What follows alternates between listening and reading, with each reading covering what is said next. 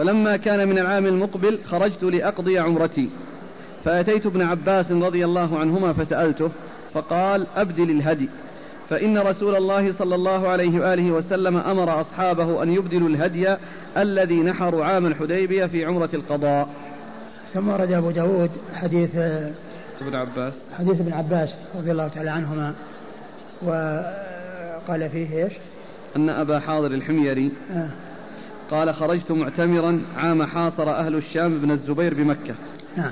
وبعد يعني لما جاء الحجاج بن يوسف يعني ابن الزبير رضي الله عنه بمكة وحصلت محاصرته ثم قتله رضي الله عنه يعني بعد ذلك يعني في ذلك العام.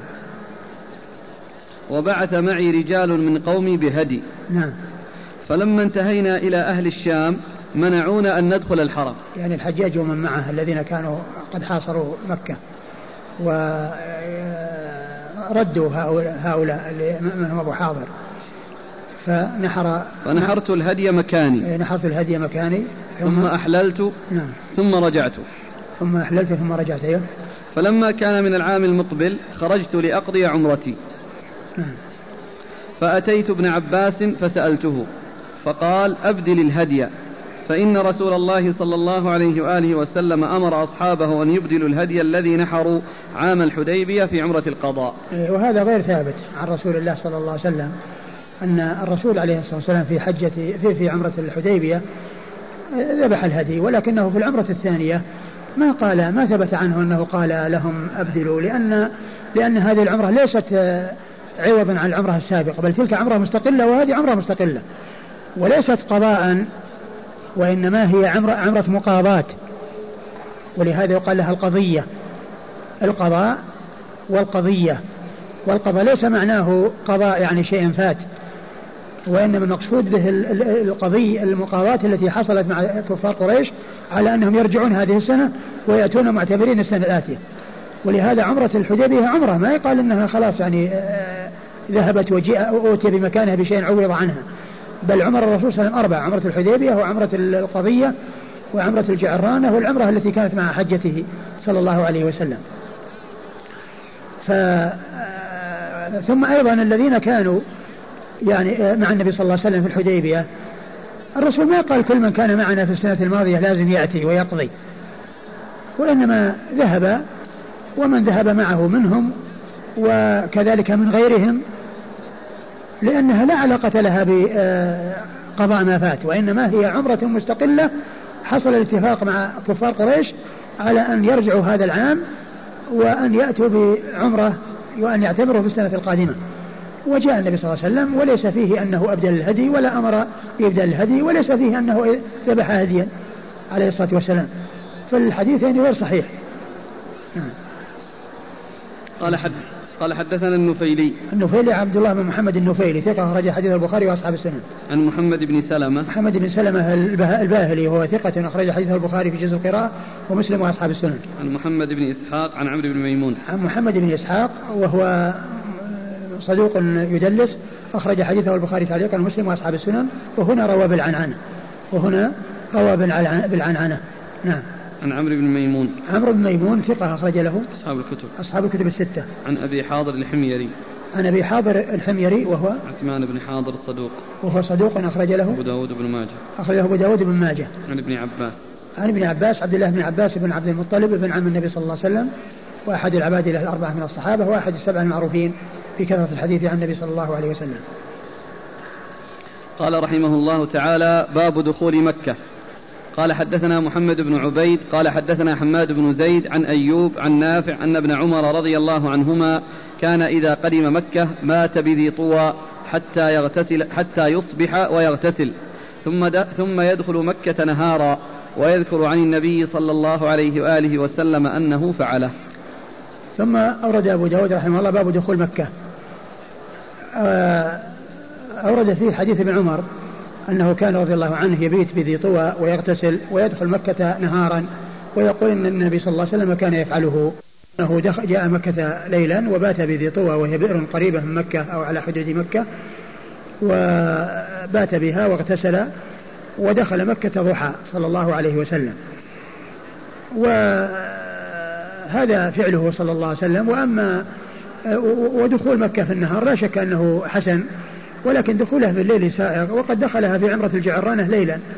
وقد دخلها صلى الله عليه وسلم في عمرة الجعرانة ليلا. فليس يدخل الحرم في ليل أو نهار. يدخل الحرم ويدخل مكة ليلا أو نهارا. وقد كان النبي صلى الله عليه وسلم فعل ذلك نهارا وفعل ذلك ليلا. فدخل مكة في حجة الوداع آه، ضحى ودخلها في عمرة الجعرانة ليلا. نعم. قال حدثنا محمد بن عبيد. محمد بن عبيد بن حساب صدوق أخرج حديثه أبو داود والنسائي. ومسلم. مسلم وأبو داود والنسائي. عن حماد بن زيد. عن حماد بن زيد وهو ثقة أخرج له أصحاب الكتب الستة. عن أيوب. عن أيوب بن أبي تميم السختياني ثقة أخرج له أصحاب الكتب الستة. عن نافع عن ابن عمر. عن نافع عن ابن عمر وقد نافع مولى بن عمر ثقة أخرج له أصحاب الكتب الستة. عن ابن عمر رضي الله تعالى عنهما وهو الصحابي الجليل أحد العباد له الأربعة من الصحابة وأحد السبع المعروفين. بكثرة الحديث عن النبي صلى الله عليه وسلم.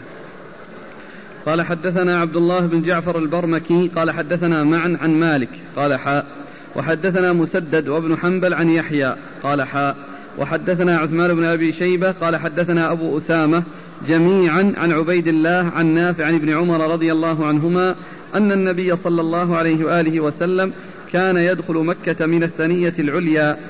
قال عن يحيى إن النبي صلى الله عليه وآله وسلم كان يدخل مكة من كدى من ثنية البطحاء ويخرج من الثنية السفلى. زاد البرمكي يعني ثنيتي مكة وحديث مسدد أتم.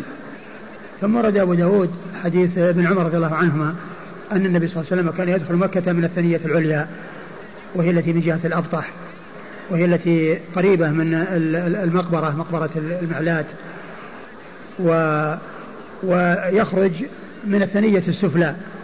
يعني يدخل مكة من أعلاها ويخرج من أسفلها صلى الله عليه وسلم. ويقال كما سيأتي أن لهذه الثنية كداء التي هي مكان الدخول. ويقال الثنية التي يخرج منها كدا كدا الأولى بالفتح والثانية بالضم.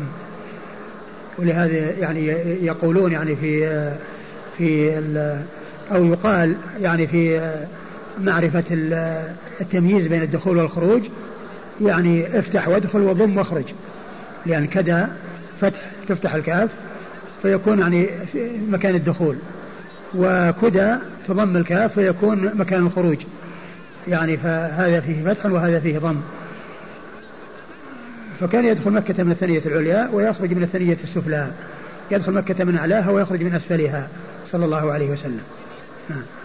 قال حدثنا عبد الله بن جعفر البرمكي عبد الله بن جعفر البرمكي هو ثقة أخرجه مسلم وأبو داود ثقة أخرجه مسلم وأبو داود عن معن عمان بن عيسى وهو ثقة أخرجه أصحاب الكتب الستة. عن مالك. عن مالك بن أنس مر ذكره. قال حاء وحدثنا مسدد وابن حنبل عن يحيى. مسدد مر ذكره أحمد بن حنبل هو الإمام الفقيه أحد أصحاب المذاهب الأربعة من مذاهب أهل السنة وحديثه أخرجه أصحاب الكتب الستة. ويحيى بن سعيد القطان ثقة أخرجه أصحاب الكتب الستة. قال حا وحدثنا عثمان بن أبي شيبة. عثمان بن أبي شيبة ثقة أخرج حديثه البخاري ومسلم وأبو داود والنسائي في عمل يوم الليلة وابن ماجه. عن أبي أسامة. عن أبي أسامة حماد بن أسامة ثقة أخرجه أصحاب الكتب الستة.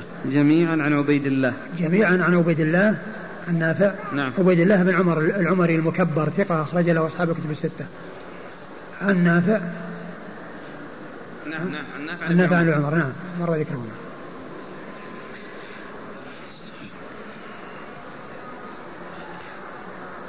قال حدثنا عثم... يعني الآن هذا الدخول يعني لا زال على استحبابه وليس لأنه كان مناسبا لطريق النبي صلى الله عليه وسلم.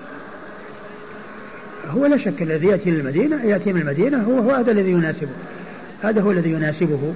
وأيضا في أسهل يعني أن يكون يعني يكون يأتي من الثانية العليا أو يكون فيه نزول يعني أسهل يعني كونه يعني يأتي ويخرج مع المكان العالي في صعوبة يعني يصير في الصعود يعني في المكان العالي في مشقة على الجمال وعلى الناس.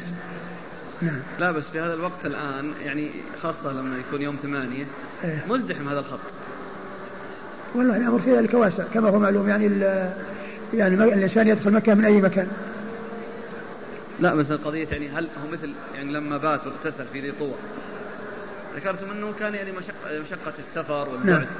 وأما الآن ف...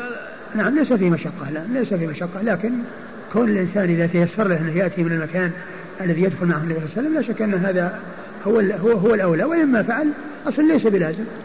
يعني الإنسان يأتي مكة من أي مكان. وفي الأول كذلك يقال لو أنه بات اغتسل ودخلها نهار. والله والله لو حصل يعني لا بأس بذلك. أقول لا أقول لا بأس لكن الأمر كما قلنا ليس بلازم. وحاجة الناس في هذا الزمان مع كثرة الناس وكذا لو راحوا ينزلون في طوى يعني يصير فيها من الزحام الشديد ما لا يعلم إلا الله. نعم. قال حدثنا عثمان بن أبي شيبة قال حدثنا أبو أسامة عن عبيد الله عن نافع عن ابن عمر رضي الله عنهما أن النبي صلى الله عليه وآله وسلم كان يخرج من طريق الشجرة ويدخل من طريق المعرس المعرس. وهذا يتعلق بالمدينة وليس بمكة، عندما يأتي إلى المدينة عندما عندما يخرج يخرج من طريق الشجرة الذي هو مكان الميقات الذي آه، النبي صلى الله عليه وسلم كان يحرم منه ويخرج. والمعرس آه، أيضا هو قريب منه وأقرب منه إلى المدينة. وهو الذي كان يعني يأتي يعني آه، ويبيت به صلى الله عليه وسلم يعني و يعني يدخل المدينة. فهذا يتعلق بدخول المدينة ما له علاقة بدخول مكة ولكنه جاء يعني تبعا من من جهة التماثل من ناحية أن هذا في دخول وهذا في دخول فجاء الحديث وإلا فإنه لا علاقة له بمكة. هذا معروف من المكان المعرف والله ما ما نعرفه لكن يقول هو أقرب من من الشجرة أقرب من مكان المسجد الآن إلى المدينة. قال حدثنا هارون بن عبد الله قال حدثنا أبو أسامة قال حدثنا هشام بن عروة عن أبيه عن عائشة رضي الله عنها أنها قالت دخل رسول الله صلى الله عليه وآله وسلم عام الفتح من كدأ من كداء من أعلى مكة. ودق ذاك مر الإسناد؟ ها؟ الإسناد عثمان بن أبي شيبة عن أبي أسامة عن عبيد الله عن نافع عن ابن عمر. أي نعم طيب. قال حدثنا هارون عبد الله قال حدثنا أبو أسامة قال حدثنا هشام بن عروة عن أبيه عن عائشة رضي الله عنها أنها قالت دخل رسول الله صلى الله عليه وآله وسلم عام الفتح من كداء من أعلى مكة ودخل في العمرة من كدي. قال وكان عروة يدخل منهما جميعا. كدى. من كدى. تضبط كذا يقول تضبط. يعني تشدد وتقصر. نعم. وكان عروة يدخل منهما جميعا. وكان أكثر ما أعد كان أعد أعد. أن النبي صلى الله عليه وسلم دخل عام الفتح؟ من كداء من أعلى مكة. ودخل في العمرة من كدي. قال وكان عروة يدخل منهما جميعا. نعم. وكان أكثر ما كان يدخل من كدي وكان أقربهما إلى منزله. ثم ورد أبو داود حديث عائشة أن النبي صلى الله عليه وسلم كان دخل مكة عام الفتح من من كدا ودخلها في عمرة من كدا وكان آه، عروة بن الزبير يدخل من الثنيتين وأكثر ما كان يدخل من كدا لأنها أقرب إلى منزله. نعم. قال حدثنا يعني هذا هذا يدلنا على أنه في واسع النبي صلى الله عليه وسلم كونه دخل من هنا ودخل من هنا. كل ذلك يعني الأمر واسع. نعم. قال حدثنا هارون بن عبد الله. هارون بن عبد الله الحمال البغدادي ثقة أخرج له مسلم وأصحاب السنن. عن أبي أسامة عن هشام بن عروة. هشام بن عروة ثقة أخرج له أصحاب الكتب الستة. عن أبيه عن أبيه عروة بن الزبير وهو ثقة فقيه.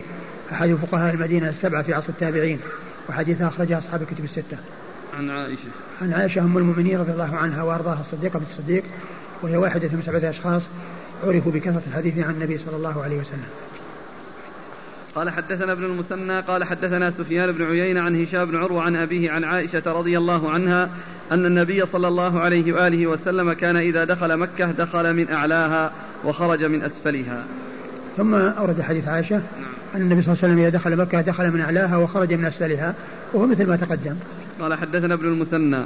ابن المثنى مر ذكره. عن سفيان بن عيينة. سفيان بن عيينة المكي ثقة أخرج له أصحاب الكتب الستة. عن هشام بن عروة عن أبيه عن عائشة. عن هشام بن عروة عن أبيه عن عائشة وقد مر ذكرهم. قال رحمه الله تعالى باب في رفع اليدين إذا رأى البيت. قال حدثنا يحيى بن معين أن محمد بن جعفر حدثهم. قال حدثنا شعبة. قال سمعت أبا قزعة يحدث عن المهاجر المكي.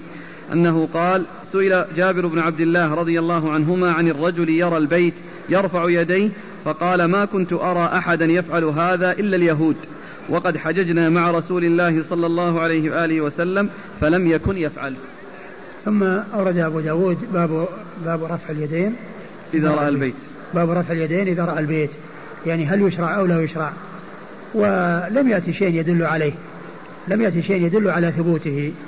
وقد أورد أبو داود في هذا الحديث الذي فيه النفي وأنهم حجوا مع رسول الله صلى الله عليه وسلم فلم يكونوا يرفعون, يرفعون أيديهم عند رؤية البيت وإنما كانوا لا يحصل منهم ذلك. فإذا لم يأتي شيء يدل على على رفع اليدين. وهذا فيه أنهم لم يكونوا يرفعون ولكن الحديث غير صحيح. الحديث غير ثابت لأن فيه رجل مقبول. ولكن الأصل هو العدم حتى يأتي حتى يأتي الدليل. الأصل هو عدم الرفع حتى يأتي شيء يدل على الرفع. ولم يأتي شيء يدل على الرفع. جاء حديث في ضعيف. أقول جاء حديث ضعيف وهو أنها ترفع الأيدي عند رؤية البيت وعند وعند وقوف عرفة ومزدلفة وعند الجمرة الأولى والثانية عند الجمرتين وفي الصلاة. و وكل الألفاظ اللي جاءت فيه يعني لها أصل. وثابتة من طرق أخرى إلا ما يتعلق برفع اليدين هو الذي جاء عند رؤية البيت ولكنه غير ثابت. وقد ذكر الحديثين الشيخ الألباني رحمه الله في السلسلة الضعيفة رقم 1093 1053 و 1054 حديثين ورد في ذلك. أحدهما من طريق عطاء بن السائب والذي يروي عنه من لم يكن من من سمع قبل الاختلاط وهو ارقاء بن عمر. والثاني من طريق محمد بن عبد الرحمن بن أبي ليلى. الذي هو يعني ضعيف سيء صدوق سيء الحفظ جدا يعني لا يحتج بما انفرد به وبما جاء عنه. فإذا الحديث الذي ورد في هذا غير ثابت عن رسول الله صلى الله عليه وسلم والأصل هو عدم الثبوت حتى يأتي شيء يدل على الثبوت. والحديث هذا باق على الأصل هو غير صحيح ولكنه يعني آه، فيه إثبات أنهم ما كانوا يرفعون ولكن الأصل هو عدم الثبوت حتى يثبت. قال حدثنا يحيى بن معين يحيى بن معين ثقة أخرج له أصحاب الكتب الستة. عن محمد بن جعفر محمد بن جعفر غندر أخرج له أصحاب الكتب الستة. عن شعبة. عن شعبة بن الحجاج الواسطي ثم البصري ثقة أخرج له أصحاب الكتب الستة. عن أبي قزعة. عن أبي قزعة وهو سويد بن حجير. بن حجير وهو ثقة أخرج له مسلم وأصحاب السنن. ثقة أخرج له مسلم وأصحاب السنن. عن المهاجر المكي. عن المهاجر المكي وهو مقبول أخرج حديثه. أبو داود والترمذي والنسائي. أبو داود والترمذي والنسائي. عن جابر بن عبد الله. عن جابر بن عبد الله الأنصاري رضي الله تعالى عنه صاحب رسول الله صلى الله عليه وسلم وأحد السبعة المعروفين. بكثرة الحديث عن النبي صلى الله عليه وسلم. لا يعني هو المقصود يعني عند عباداتهم ومعابدهم وكذا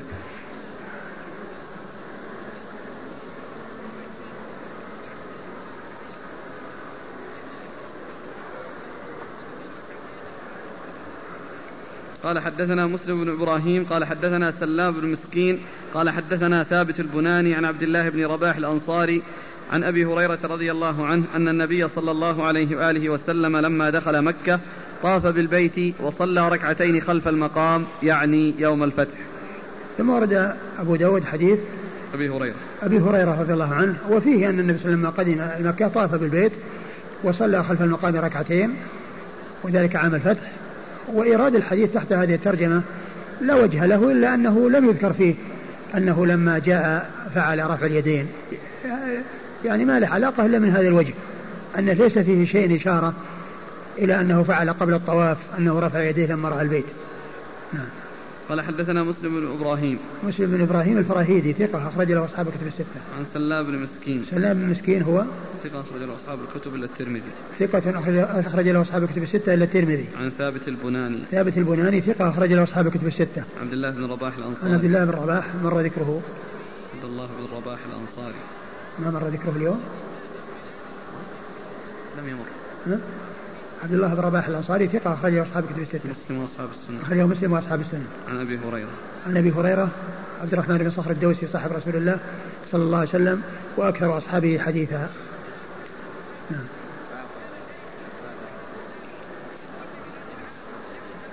على القبور أي على أعوذ بالله.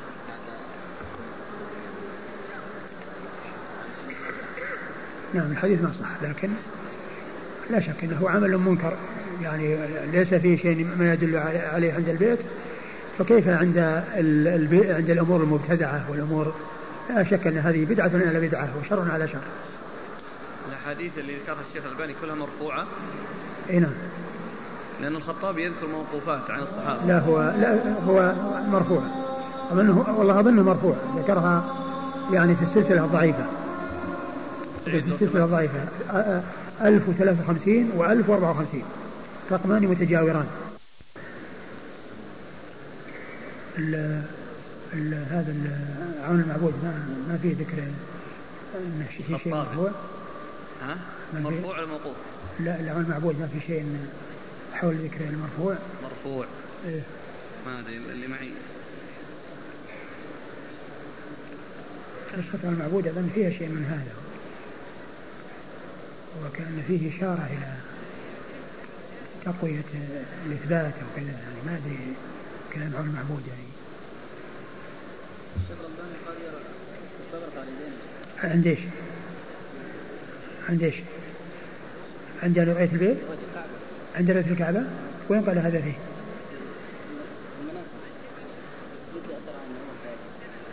أثر بس؟ ها.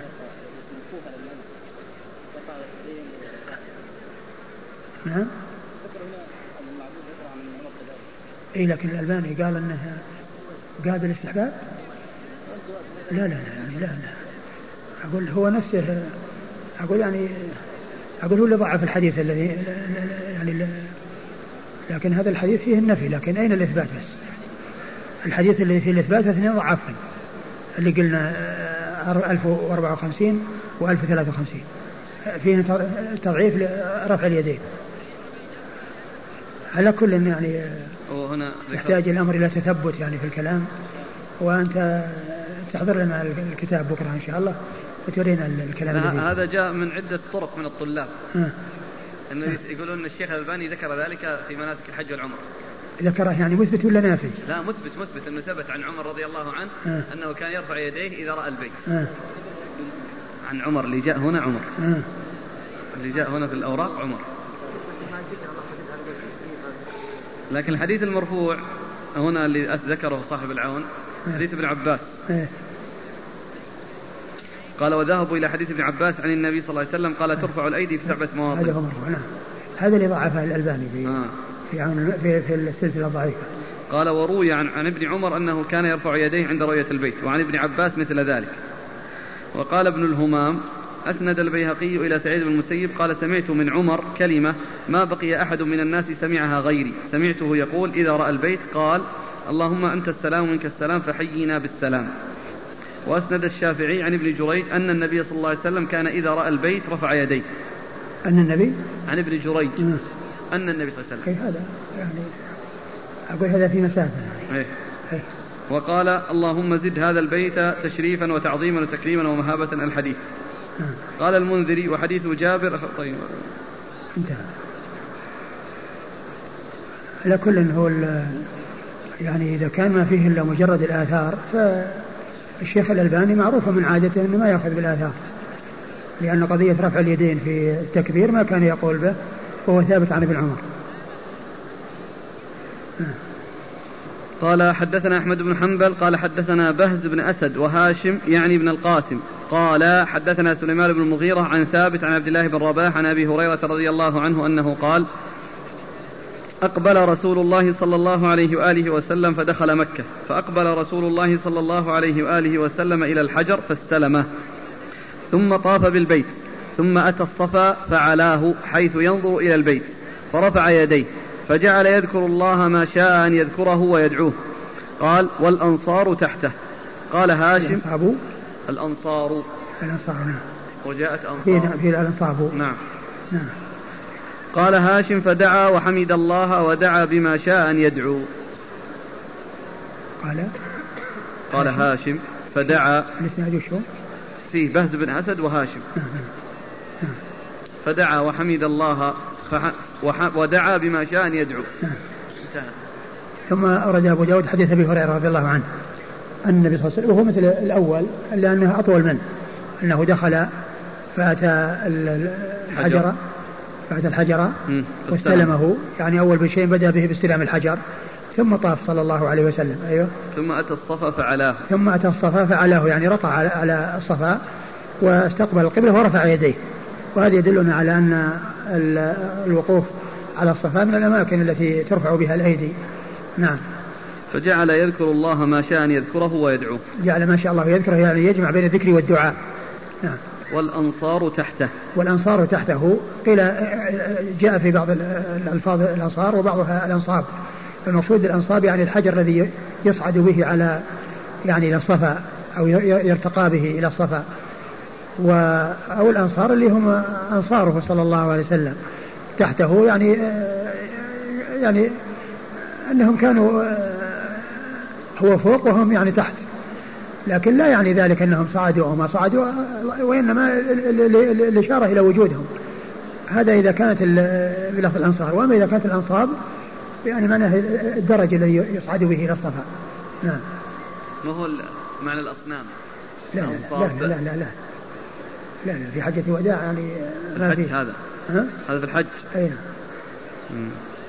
فدع قال هاشم فدعا وحمد الله ودعا بما شاء أن يدعو. نعم قال حدثنا أحمد بن حنبل عن بهز أحمد بن حنبل مر ذكره بهز بن أسد ثقة اخرج له أصحاب الكتب الستة. وهاشم يعني بن القاسم. وهاشم يعني بن القاسم ثقة أخرج له أصحاب الكتب. أصحاب الكتب الستة. عن سليمان بن المغيرة. سليمان بن المغيرة ثقة أخرج له أصحاب الكتب الستة. عن ثابت عن عبد الله بن رباح عن أبي هريرة. وقد مر ذكر الثلاثة. انتهى. نعم. والله تعالى أعلم وصلى الله وسلم وبارك على عبده ورسوله نبينا محمد وعلى آله وأصحابه أجمعين. يعني رفع اليدين عند الصفا مثل رفع اليدين في الدعاء. بعض الناس يشير بيت يكبر الله أكبر يكبر في الصلاة عند دخول الصلاة وهذا خطأ. الصواب هو أنه يرفع يذكر ويدعو. يرفع يديه يذكر الله ويدعو مثل رفع اليدين في الأماكن الأخرى. فرفع اليدين جاء في مواضع منها هذا الموضع ومنها ما عند الجمرة الأولى والثانية وبعرفة ومزدلفة. وفي أماكن متعددة.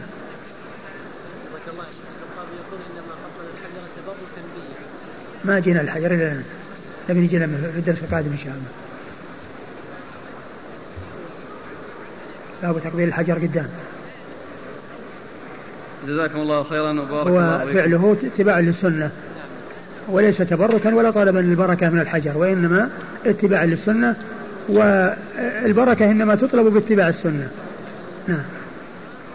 يقول السائل هل للإنسان أن يشترط خوفا من الزحام مثل ليلة 27 من رمضان؟ والله الاشتراط بعض العلماء أجازه مطلقا وبعضهم قال لمن كان يعني خائف والأمر في ذلك واسع. ما هو الأفضل لمن حج أكثر من مرة؟ هل يحج أم يعين شخص على حج الفريضة؟ والله حجه فيه خير وإعانته على غير إعانته غيره في خير. وإذا كان أنه قادر يمكن أن يحج ويمكن يعين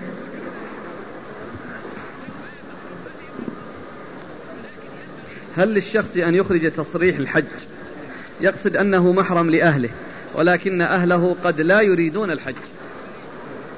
والله إذا كان أنهم حجوا أو حج فرض أو حج الفرض فهذا يعني شيء طيب لأن أداء الفرض يعني هذا أمر مطلوب. فإذا حصل لهم وصار محرما لهم لأن بعض الناس يحب أنه يحج ولكن حيث لا يتيسر له كل سنة يحب أن يكون محرما لشخص ما حج كالمرأة التي لم تحج. وهذا لا بأس به. أقول لا بأس به. كون امرأة ما حجت ومحرم لها ما في ما, ما, ما في بأس. يقول أني سألت أهل مكة عن ذي طوى فلم يعرفوها فهل لها اسم آخر الآن؟ ما أدري. هل يلزم من منع عن الحج للحصر أن يحج من العام المقبل؟ يجب عليه؟ لا ما إذا كان الفرض يجب عليه وإذا كان ما, ما هو فرض ما يجب عليه. كل هدي أو طعام فلمساكين الحرم هل هذا حديث أو قول؟ لا, لا ما في حديث هذا كلام الفقهاء. يقول حج التمتع هل يلزم من المتمتع الجلوس بمكة إلى وقت الحج؟ لا ما يلزم. بل لو أن إنسانا أراد أن يذهب إلى جدة ويجلس بها فترة هو متمتع. قال الإمام أبو داود السجستاني رحمه الله تعالى باب في تقبيل الحجر. قال حدثنا محمد بن كثير. قال أخبرنا سفيان عن الأعمش عن إبراهيم عن عابس بن ربيعة عن عمر رضي الله عنه أنه جاء إلى الحجر فقبله. فقال إني أعلم أنك حجر لا تنفع ولا تضر. ولولا أني رأيت رسول الله صلى الله عليه وعلى آله وسلم يقبلك ما قبلتك. بسم الله الرحمن الرحيم. الحمد لله رب العالمين. وصلى الله وسلم وبارك على عبده ورسوله نبينا محمد وعلى آله وأصحابه أجمعين. أما بعد يقول الإمام أبو داود السجستاني رحمه الله تعالى باب تقبيل الحجر. أه تقبيل الحجر الحجر هو الحجر الأسود الذي في زاوية من زوايا الكعبة وهي الزاوية التي عند الباب أو الذي عندها باب الكعبة. فالترجمة تتعلق بتقبيله وتقبيله وكذلك استلامه وتقبيل ما يستلم به والإشارة إليه عند عدم الوصول إليه هذه أمور جاءت السنة بها عن رسول الله صلى الله عليه وسلم وهي تتعلق بالحجر الأسود. فإذا تمكن الإنسان من الوصول إليه من غير أن يؤذي أحدا في الوصول إليه قبله. وإن لم يتمكن وتمكن من أن يمد يده ويلمسه ويمسحه بيده يقبل يده أو ما مسحه الذي مسحه من يده يقبله. وإذا لم يكن لا هذا ولا هذا فإنه إذا حاذاه يشير إليه ويكبر يشير إليه ويكبر. وهذه أمور ثلاثة تتعلق بالحجر الأسود. أبو داود رحمه الله عقد هذه الترجمة وأتى بحديث عمر رضي الله عنه أنه جاء إلى الحجر الأسود وقبله وقال والناس يسمعون. يخاطب الحجر أما إني أعلم أنك حجر لا تضر ولا تنفع. ولولا أني رأيت رسول الله صلى الله عليه وسلم يقبلك ما قبلتك. فهذا يدلنا على أن المعتبر أو المعول عليه في تقبيله هو اتباع النبي عليه الصلاة والسلام. ولو لم يقبله ما قبل وهو إنما قبل اتباعا للنبي عليه الصلاة والسلام.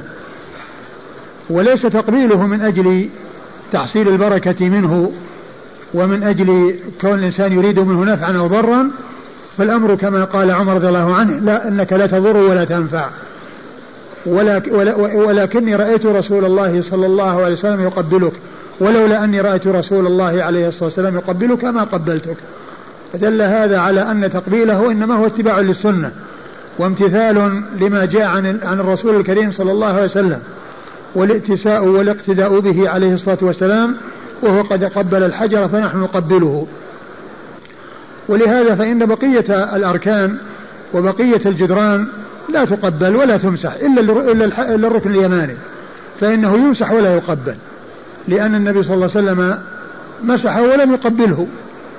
النبي صلى الله عليه وسلم مسحه واستلمه ولم يقبله فإذا يقبل ولا يمسح ولا يقبل وكذلك لا يشار إليه وكذلك لا يشار إليه لأن التقبيل والمسح والإشارة هي من خصائص الحجر هي تتعلق بالحجر الأسود.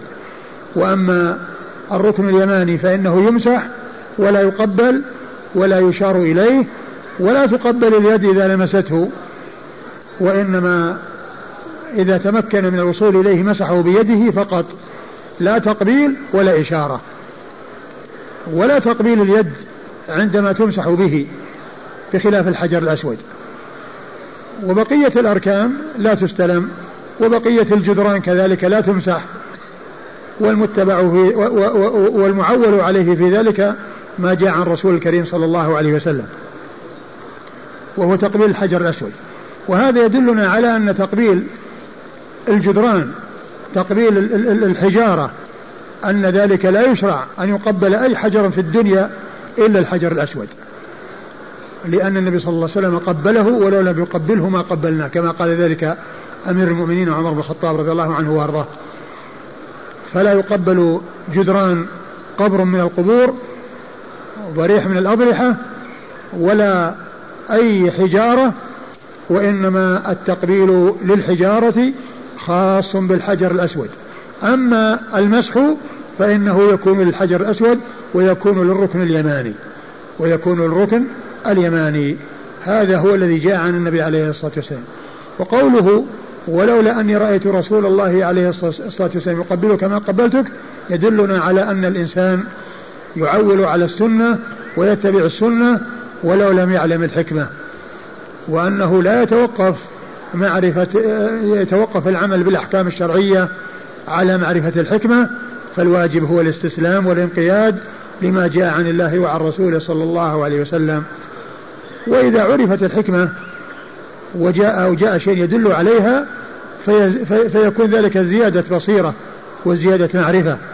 وإلا الاستسلام والانقياد يكون بمجرد ما يأتي الخبر بمجرد ما يأتي الأمر من الله ورسوله عليه الصلاة والسلام كما قال الله عز وجل وما آتاكم الرسول فخذوه وما نهاكم عنه فانتهوا. ويقول سبحانه وما كان لمؤمن ولا مؤمنة إذا قضى الله ورسوله أمرا أن يكون لهم الخيرة من أمرهم. ويقول سبحانه فليحذر الذين يخالفون عن أمره أن تصيبهم فتنة أو يصيبهم عذاب أليم. نعم. قال, قال حدثنا محمد بن كثير. محمد بن كثير العبدي ثقة أخرج له أصحاب الكتب الستة. عن سفيان. عن سفيان هو الثوري سفيان بن سعيد بن مسروق الثوري ثقة فقيه أخرج له أصحاب الكتب الستة. عن الأعمش. عن الأعمش سليمان بن مهران الكاهلي الكوفي ثقة أخرج له أصحاب الكتب الستة.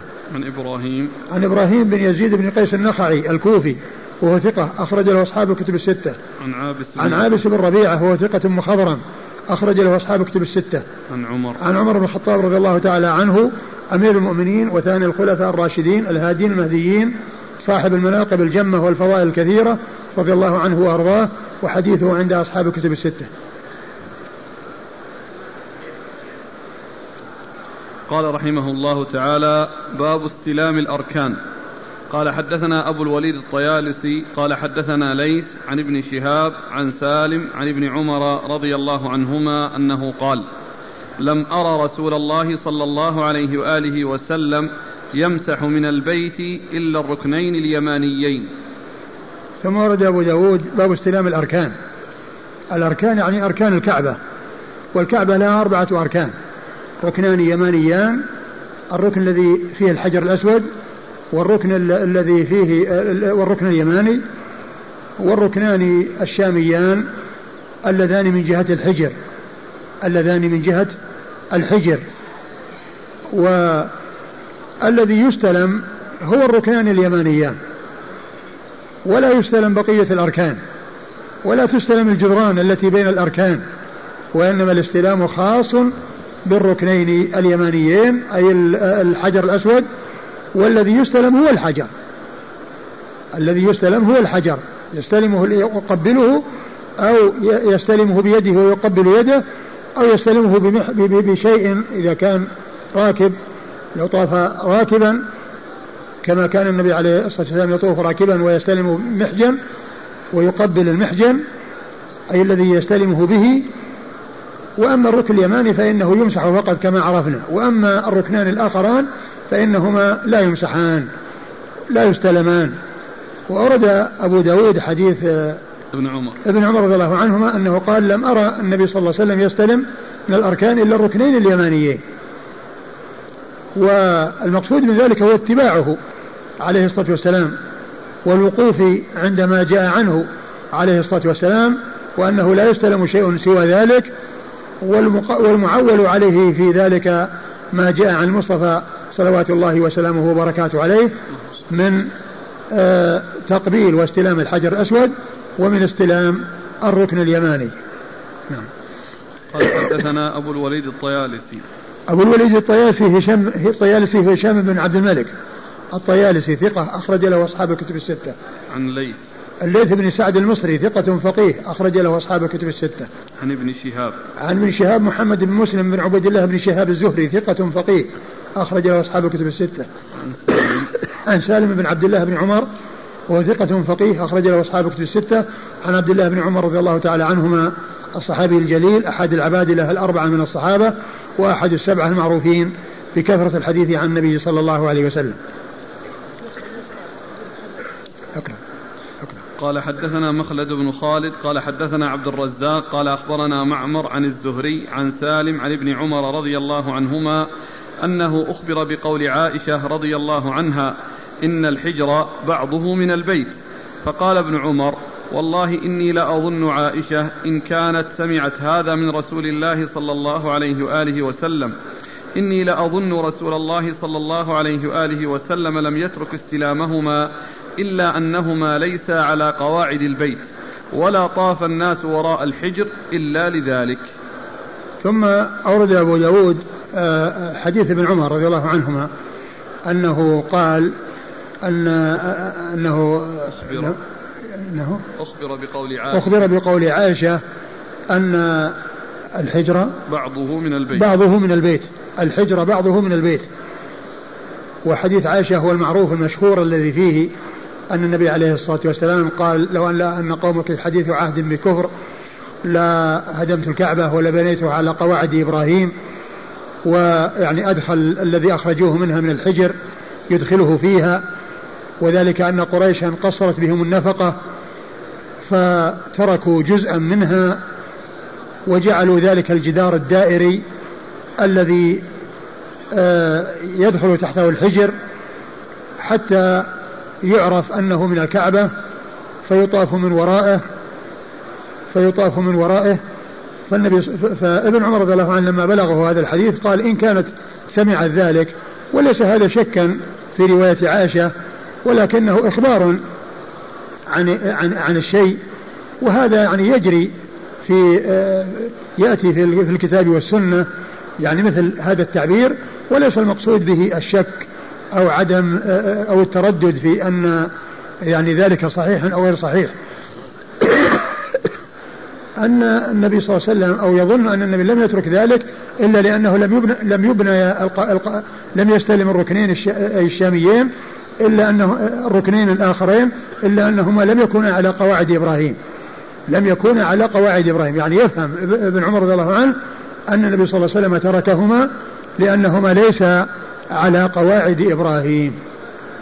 وهذا فهم من ابن عمر رضي الله تعالى عنه وأرضاه. والله تعالى أعلم هل لأن الرسول صلى الله عليه وسلم آه لو كان ذلك مشروعا لقال ولجعلت الناس يمسحون على الركنين الآخرين.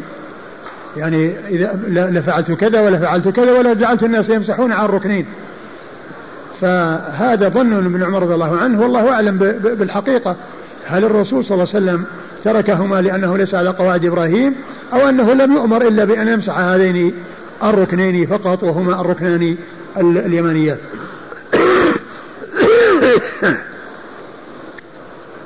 وكذلك ولا أن الناس طافوا من وراء الحجر إلا لذلك. وهذا نعم صحيح الناس ما طافوا من وراء الحجر إلا لأن الحجر جزء منه من البيت. ولو طيف من داخل الحجر ما طيف بالكعبة كلها. ومن شرط الطواف أن يكون بالكعبة كلها. وجزء منها من جهة الحجر لم يبنى فإذا الطواف من وراء الحجر ولا يكون من داخل الحجر. ولو طاف الإنسان من داخل الحجر ما ما صح طوافه. لأنه لم يطف بالكعبة كلها لأن جزءا منها داخل الحجر. نعم. قال حدثنا مخلد بن خالد. حدثنا مخلد بن خالد وهو ثقة أخرج له مسلم وأبو داود. وهو ثقة أخرج له مسلم وأبو داود. عن عبد الرزاق. عن عبد الرزاق بن همام الصنعاني اليماني ثقة أخرج له أصحاب كتب الستة. عن معمر. عن معمر بن راشد الأزدي البصري ثم اليماني ثقة أخرج له أصحاب كتب الستة. عن الزهري عن الزهري مر ذكره. عن سالم عن ابن عمر. عن سالم عن ابن عمر وقد مر ذكرهما. قال حدثنا مسدد قال حدثنا يحيى عن عبد العزيز بن أبي رواد عن نافع عن ابن عمر رضي الله عنهما أنه قال كان رسول الله صلى الله عليه وآله وسلم لا يدع أن يستلم الركن اليماني والحجر والحجر في كل طوفة. قال وكان عبد الله بن عمر يفعله. ثم ورد حديث حديث ابن عمر. حديث ابن عمر أن النبي صلى الله عليه وسلم لم يكن يدع استلام الركن اليماني والحجر في كل طوفة. يعني في كل شوط من الأشواط يستلم الركن اليماني ويستلم الحجر الأسود ويعني في جميع الأطواف عندما كل عند كلما يطوف وكلما يحاذيه فإنه يستلمه صلى الله عليه وسلم. نعم. الحجر وليس الحجر ها؟ نعم الحجر ما في الحجر. الحجر ما فيه استلام وإن المقصود به الحجر الأسود. قال حدثنا مسدد. مسدد بن مسرهد البصري ثقة أخرج حديثه البخاري وأبو داود والترمذي والنسائي.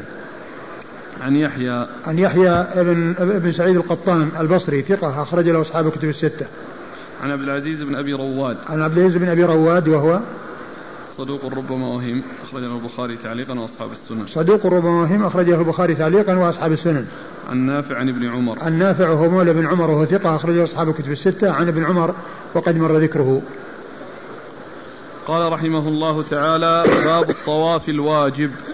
قال حدثنا أحمد بن صالح قال حدثنا ابن وهب قال أخبرني يونس عن ابن شهاب عن عبيد الله يعني ابن عبد الله بن عتبة عن ابن عن ابن عباس رضي الله عنهما أن رسول الله صلى الله عليه وآله وسلم طاف في حجة الوداع على بعير يستلم الركن بمحجن. ثم ورد أبو داود حديث ثم ورد أبو داود هذه الترجمة باب الطواف الواجب. الطواف الواجب في العمرة والحج هو طواف العمرة الذي هو ركن من أركان العمرة. و والحج طواف الإفاضة ركن من أركان الحج وطواف الوداع واجب من واجبات الحج. وكذلك إذا نذر الإنسان أن يطوف فإنه يكون واجبا. هذا هو الواجب. وبعض أهل العلم قال إن طواف القدوم أنه واجب. والإمام أبو داود رحمه الله عقد هذه الترجمة وأتى بالأحاديث التي فيها طواف القدوم. ولعل في إيراد الأحاديث تحت هذه الترجمة آه، إشارة إلى أنه يرى أنه واجب أي طواف القدوم. وذلك في حق من يكون قارنا أو مفردا. أما من كان متمتعا فإنه يطوف طواف العمرة وهو يغني عن طواف القدوم. ما يحتاج إلى أن الإنسان يطوف للقدوم أولا ثم يطوف العمرة بل يأتي بطواف العمرة وهو نفسه طواف القدوم. مثل كون الإنسان إذا دخل المسجد والصلاة قائمة يصلي الفرض ويغني عن تحية المسجد. ما يحتاج إلى تحية مسجد فالمعتمر أو عندما يدخل المسجد يطوف طواف العمرة. وهو نفسه يغني عن القدوم. وأما من كان حاجا أو مفردا أو قارنا فإنه يطوف طواف القدوم. لأن الذي عليه من الطواف الواجب هو طواف الحج والعمرة إذا كان قارنا. وكذلك إذا كان مفردا. والطواف يكون بعد الحج اللي هو طواف الحج سواء كان قرانا أو إفرادا. لأن طواف الإفاضة هو الذي لازم في حق الجميع كل الحجاج وهو إنما يكون بعد الإفاضة من عرفة ومن مزدلفة. وعلى هذا فطواف القدوم منهم من قال بوجوبه ومنهم من قال إنه من قبيل المستحب لأن الإنسان يمكن أن يتركه. مثل لو جاء الإنسان متأخرا ذهب إلى عرفات رأسا ولا يدخل مكة إلا بعد الحج إلا بعد عرفة ومزدلفة. فهو ليس بلازم. ور النبي صلى الله عليه وسلم فعله أول ما دخل فدلنا هذا على أن القارن والمفرد إذا دخلوا مكة أنهم يطوفون طواف القدوم. وإن سعوا سعي العمرة والحج سعي العمرة سعي العمرة والحج إذا كان قارن أو سعي الحج إذا كان مفرد مع بعد القدوم فعل ذلك لأن النبي صلى الله عليه وسلم فعل ذلك. لأنه سعى بعدما طاف طواف القدوم عليه الصلاة والسلام وكان قارنا صلوات الله وسلامه وبركاته عليه. فال ال ال أبو داود رحمه الله أورد الأحاديث تتعلق بطواف القدوم تحت هذه الترجمة ولعله يرى أن ذلك أنه واجب. أورد أبو داود حديث أولا حديث ابن عباس. حديث ابن عباس. قال النبي صلى الله عليه وسلم طاف في حجة الوداع على بعير يستلم الركن بمحجن. أن النبي صلى الله عليه وسلم طاف على في حجة الوداع طاف على بعير يستلم الركن بمحجن. وكذلك أيضا سعى على بعير عليه الصلاة والسلام. وجاء في بعض الأحاديث أن النبي صلى الله عليه وسلم إنما طاف لأن الناس غشوه وازدحموا حوله فأراد أن يكون على بعير حتى يشرف على الناس وحتى يأخذ الناس عنه المناسك وحتى يسمعوا كلامه ويرون فعله صلى الله عليه وسلم لأنه كما جاء في حديث جابر الناس غشوه. يعني ازدحموا حوله صلى الله عليه وسلم. كل منهم يريد أن يراه ويريد أن يتابعه. فالنبي صلى الله عليه وسلم ركب على بعير. صلوات الله وسلامه وبركاته عليه وطاف عليه. وكان يستلم الركن بمحجن. يعني العصا المحنية الرأس بيده. يجعلها في المكان على الحجر ثم آه، يقبلها صلى الله عليه وسلم. فدل هذا على أن الرسول صلى الله عليه وسلم طاف أول ما قدم مكة وكان على بعير وأيضا آه، آه، وأيضا يدلنا على جواز أو على صحة طواف الراكب. ويدلنا أيضا على أن بول ما يؤكل لحمه وروثه يكون طاهرا لأن كون البعير أدخل المسجد ويطاف عليه وكذلك يسعى عليه والسعي كما هو معلوم كان في ذاك الوقت خارج المسجد ولكن كونه يطاف به حول الكعبة ويطاف عليه حول الكعبة وقد يكون هناك روث وبول فدلنا ذلك على طهارة الأبوال. والأرواث مما هو مأكول اللحم. ومما يدل على طهارتها كون النبي صلى الله عليه وسلم أذن للعرنيين أن يشربوا من أبوال الإبل أن يشربوا من أبوالها للاستشفاء. ولو كان بولها نجسا ما أذن فيه النبي صلى الله عليه وسلم لأنه نهى عن التداوي بالحرام. فدل هذا على أن آه، البعير أن أن ما يؤكل لحمه يكون روثه وبوله آه، يكون طاهرا وليس بنجس. نعم. قال حدثنا أحمد بن صالح. أحمد بن صالح المصري ثقة أخرج حديثه البخاري وأبو داود والترمذي في الشمائل. عن ابن وهب. عن ابن وهب وهو عبد الله بن وهب المصري ثقة فقيه أخرج له أصحاب كتب الستة. عن, عن يونس. عن يونس بن يزيد الأيلي وهو ثقة أخرج له أصحاب كتب الستة. عن ابن شهاب عن عبيد الله بن عبد الله بن عتبة. عن ابن شهاب مر ذكره وعبيد الله بن عبد الله بن عتبة بن مسعود وهو ثقة فقيه أحد فقهاء المدينة السبعة في عصر التابعين. أحد فقهاء المدينة السبعة في عصر التابعين عبيد الله بن عبد الله بن عتبة بن مسعود هذا. وحديثه أخرجه أصحاب كتب الستة. عن ابن عباس. عن ابن عباس عبد الله بن عباس بن عبد المطلب ابن عم النبي عليه الصلاة والسلام وأحد العباد له الأربعة من الصحابة وأحد السبعة المعروفين بكثرة الحديث عن النبي صلى الله عليه وسلم. قال حدثنا مصرف بن عمرو اليامي قال حدثنا يونس يعني بن بكير قال حدثنا ابن إسحاق قال حدثني محمد بن جعفر بن الزبير عن عبيد الله بن عبد الله بن أبي ثور عن صفية بنت شيبة رضي الله عنها أنها قالت لما اطمأن رسول الله صلى الله عليه وآله وسلم بمكة عام الفتح طاف على بعير يستلم الركن بمحجن في, بمحجن في يده. قالت وأنا أنظر إليه. ثم رد أبو داود حديث صفية بن شيبة رضي الله عنها أن النبي عليه الصلاة والسلام عام الفتح لما اطمأن يعني بمكة طاف على بعير يستلم الركن بمحجن وأنا أنظر إليه.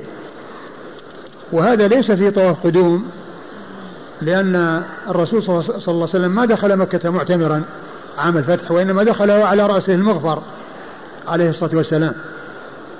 فلم يكن معتمرا وليس هناك طواف قدوم وإنما الرسول طاف وهذا طواف تطوع وهذا من الأدلة الدالة على التطوع بالطواف وأن النبي صلى الله عليه وسلم طاف وهو بمكة حيث جاء عام الفتح ولم يكن ذلك طواف عمرة وإنما كان طواف تطوع. فدل فدلنا هذا على أن التطوع يشرع أو أنه مشروع في حق الطواف وأما السعي فلا فلا فلا يأتي الإنسان إلا بالسعي الواجب. ما يروح الإنسان يسعى بين الصفا والمروة متطوعا مثل ما يتطوع بالطواف. بل السعي بين الصفا والمروة إنما يكون للحج وللحج آه، آه، والعمرة. يعني سواء عمرة مستقلة لا علاقة لها بالحج أو عمرة تمتع أو قران عمرة مع الحج أو سعي الحج الذي يكون بعد الحج أو قبله إذا كان هنا إذا إذا جاء وطاف الإنسان طواف القدوم كما فعل رسول الله عليه الصلاة والسلام. فهذا الحديث فيه أنه طاف على بعير وكان يستلم ركن محجن ولم يكن محرما. عليه الصلاة والسلام. نعم. قال حدثنا مصرف بن عمرو اليامي. مصرف بن عمرو اليامي. ثقة أخرجه أبو داود. ثقة أخرجه أبو داود. عن يونس يعني ابن بكير. يون عن يونس يعني ابن بكير وهو صدوق يخطئ أخرج له البخاري تعليقا ومسلم وأبو داود والترمذي وابن ماجه. صدوق يخطئ أخرجه البخاري تعليقا ومسلم وأبو داود والترمذي نعم. وابن ماجه. وابن ماجه. عن ابن إسحاق. عن ابن إسحاق محمد بن إسحاق المدني صدوق أخرجه حديثه البخاري تعليقا ومسلم وأصحاب السنن. عن محمد بن جعفر بن الزبير. عن محمد بن جعفر بن الزبير وهو ثقة أخرج له أصحاب الكتب. أصحاب الكتب الستة. عن عبيد الله بن عبد الله بن أبي ثور. عن عبد الله بن عبيد عن, عن عبد الله بن عبيد الله ابن أبي ثور وهو ثقة أخرج أصحاب الكتب. وهو ثقة أخرج أصحاب الكتب الستة. عن صفية عن صفية بنت شيبة رضي الله عنها أخرج حديثها أصحاب الكتب. أصحاب الكتب الستة.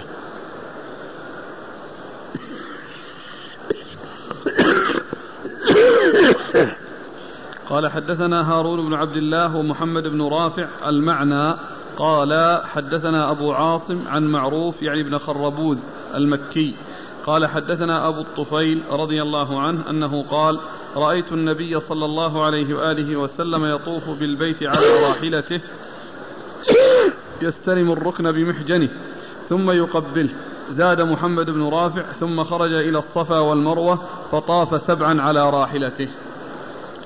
ثم ورد أبو داود حديث أبو الطفيل عامر بن واثلة رضي الله عنه أن النبي عليه الصلاة والسلام طاف على بعير يستلم الركن بمحجن ويقبله يعني يقبل ال ال ال ال ال الذي استلم به من المحجن يعني الذي لامس المحجن من لامس الحجر من المحجن يقبله.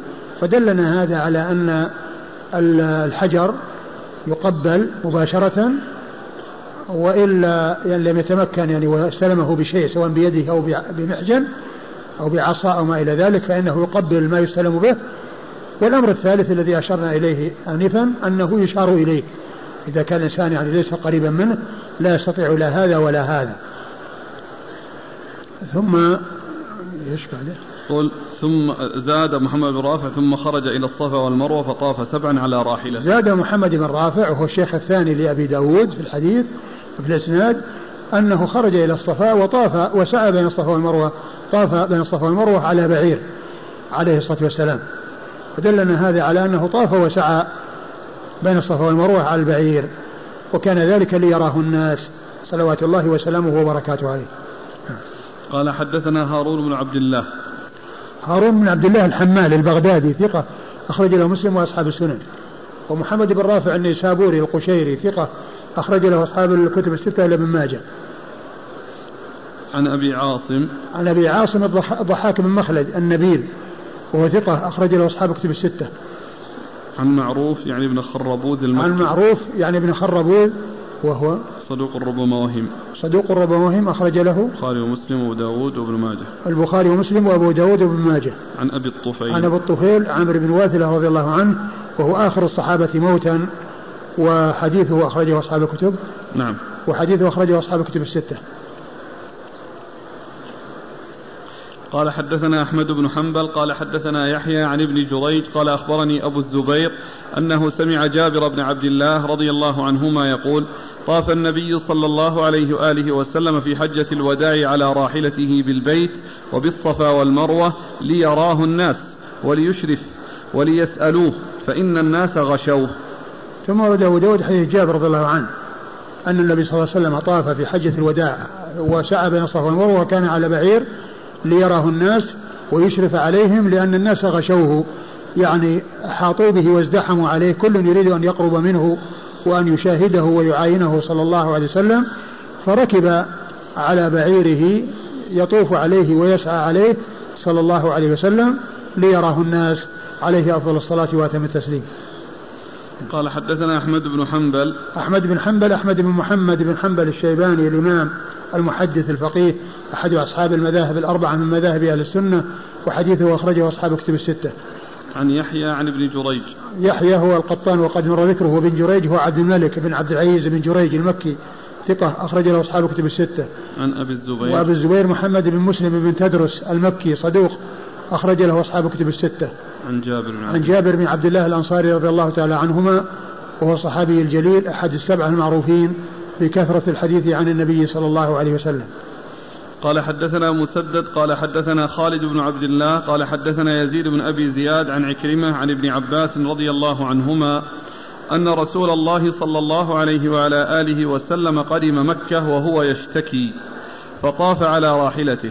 كلما أتى على الركن استلم الركن بمحجن فلما فرغ من طوافه اناخ فصلى ركعتين. ثم ورد أبو داود ثم ورد أبو داود حديث ابن عباس. ابن عباس رضي الله عنهما أن النبي صلى الله عليه وسلم قدم مكة وهو يشتكي. ف فطاف على راحلته. فطاف على راحلته وهذا فيه أنه كان يشتكي وأن السبب في ذلك كونه يشتكي. لكن كما تقدم في حديث جابر رضي الله عنه أن الناس غشوه وأنه ليشرف. فهذه اللفظة جاءت من طريق يزيد بن أبي زياد وهو ضعيف. وكونه طاف على بعير هذا كما هو معلوم جاء يعني في في الأحاديث الأخرى. كونه طاف على بعير وأنه يستلم الركن بيحزن هو ثابت في الأحاديث الأخرى. نعم. قال حدثنا مسدد عن خالد بن عبد الله. خالد بن عبد الله الواسطي ثقة أخرج له أصحاب كتب الستة. عن يزيد بن أبي زياد. يزيد بن أبي زياد ضعيف أخرج له. البخاري تعليقا ومسلم وأصحاب السنن. البخاري تعليقا ومسلم وأصحاب السنن. عن عكرمة نعم. وهم ابن عباس ثقة أخرجه أصحاب كتب الستة. عن ابن عباس وقد مر ذكره. كلما أتى على الركن استلم الركن. هذا مثل مثل ما مر يعني في الحديث السابق يعني يستلمه في كل طوفة. يعني هذا ما انفرد به. لأنه جاءت أسئلة كثيرة عن الاستلام في آخر الطوف الشوط السابع. والله يعني يبدو أنه لا أنه يستلم. كلما كلما يؤتى عليه فإنه يستلم. سواء في الأول أو في, في الأول أو في الآخر. في جميع كل ما يحاذيه يستلمه. نعم. فلما فرغ من طوافه أناخ فصلى ركعتين. فلما فرغ من طوافه أناخ وصلى ركعتين. يعني ركعتي الطواف. قال حدثنا القعنبي عن مالك عن محمد بن عبد الرحمن بن نوفل عن عروة بن الزبير عن زينب بنت أبي سلمة عن أم سلمة رضي الله عنهم أجمعين زوج النبي صلى الله عليه وآله وسلم أنها قالت كنت قالت شكوت إلى رسول الله صلى الله عليه وآله وسلم أني أشتكي فقال طوفي من وراء الناس وأنت راكبة قالت فطفت ورسول الله صلى الله عليه وآله وسلم حينئذ يصلي إلى جنب البيت وهو يقرأ بالطور وكتاب مسطور. ثم ورد أبو داود حديث أم سلمة رضي الله عنها أنها آه، ذكرت النبي صلى الله عليه وسلم أنها تشتكي يعني من المرض فقال طوفي من وراء الناس وأنت راكبة. طوفي من وراء الناس وأنت راكبة. وذلك لأن الركوب قد يحصل آه، من المركوب يعني بعض الإيذاء للناس فكونه يكون من وراء الناس يكون أسلم لهم. وكونه يعني لا يتعرض أحد منهم ل لشيء من من الأذى من من من, من المركوب. فهذا يدلنا على آه، جواز آه، على أن الإنسان له أن يطوف راكبا والنبي صلى الله عليه وسلم كان طاف ليراه الناس. و وأما هي فكانت تشتكي. فدل هذا على أنه يسوغ الإنسان يطوف راكبا. وأنه إذا كان يشتكي فالأمر كما قال الله عز وجل لا يكلف الله نفسا إلا وسعها. وإذا كان قادرا ويعني آه، آه، ليس يشتكي ولكن قد يناله مشقة فله أن يطوف. له أن له أن يطوف وهو محمول يعني في العربات أو وكذلك في السعي بين الصفا والمروة. نعم. قال حدثنا القعنبي. قعنبي عبد الله بن مسلمة بن قعنب. القعنبي ثقة أخرجه أصحاب كتب الستة إلا ابن ماجه. عن مالك مالك بن أنس إمام دار الهجرة الإمام المحدث الفقيه أحد أصحاب المذاهب الأربعة من مذاهب أهل السنة وحديثه أخرجه أصحاب الكتب الستة. عن محمد بن عبد الرحمن بن نوفل. محمد بن عبد الرحمن بن نوفل ثقة أخرجه أصحاب الكتب الستة. عن عروة عن عروة بن الزبير بن العوام وهو ثقة فقيه أحد فقهاء المدينة السبعة في عصر التابعين وحديثه أخرجه أصحاب الكتب الستة. عن زينب بنت أبي سلمة. عن زينب بنت أبي سلمة ربيبة النبي عليه الصلاة والسلام وحديثه أخرجه أصحاب الكتب الستة. عن أم سلمة. عن أمها أم سلمة رضي الله عنها أم المؤمنين وهي هند بنت أبي أمية وحديثها أخرجه أصحاب الكتب الستة.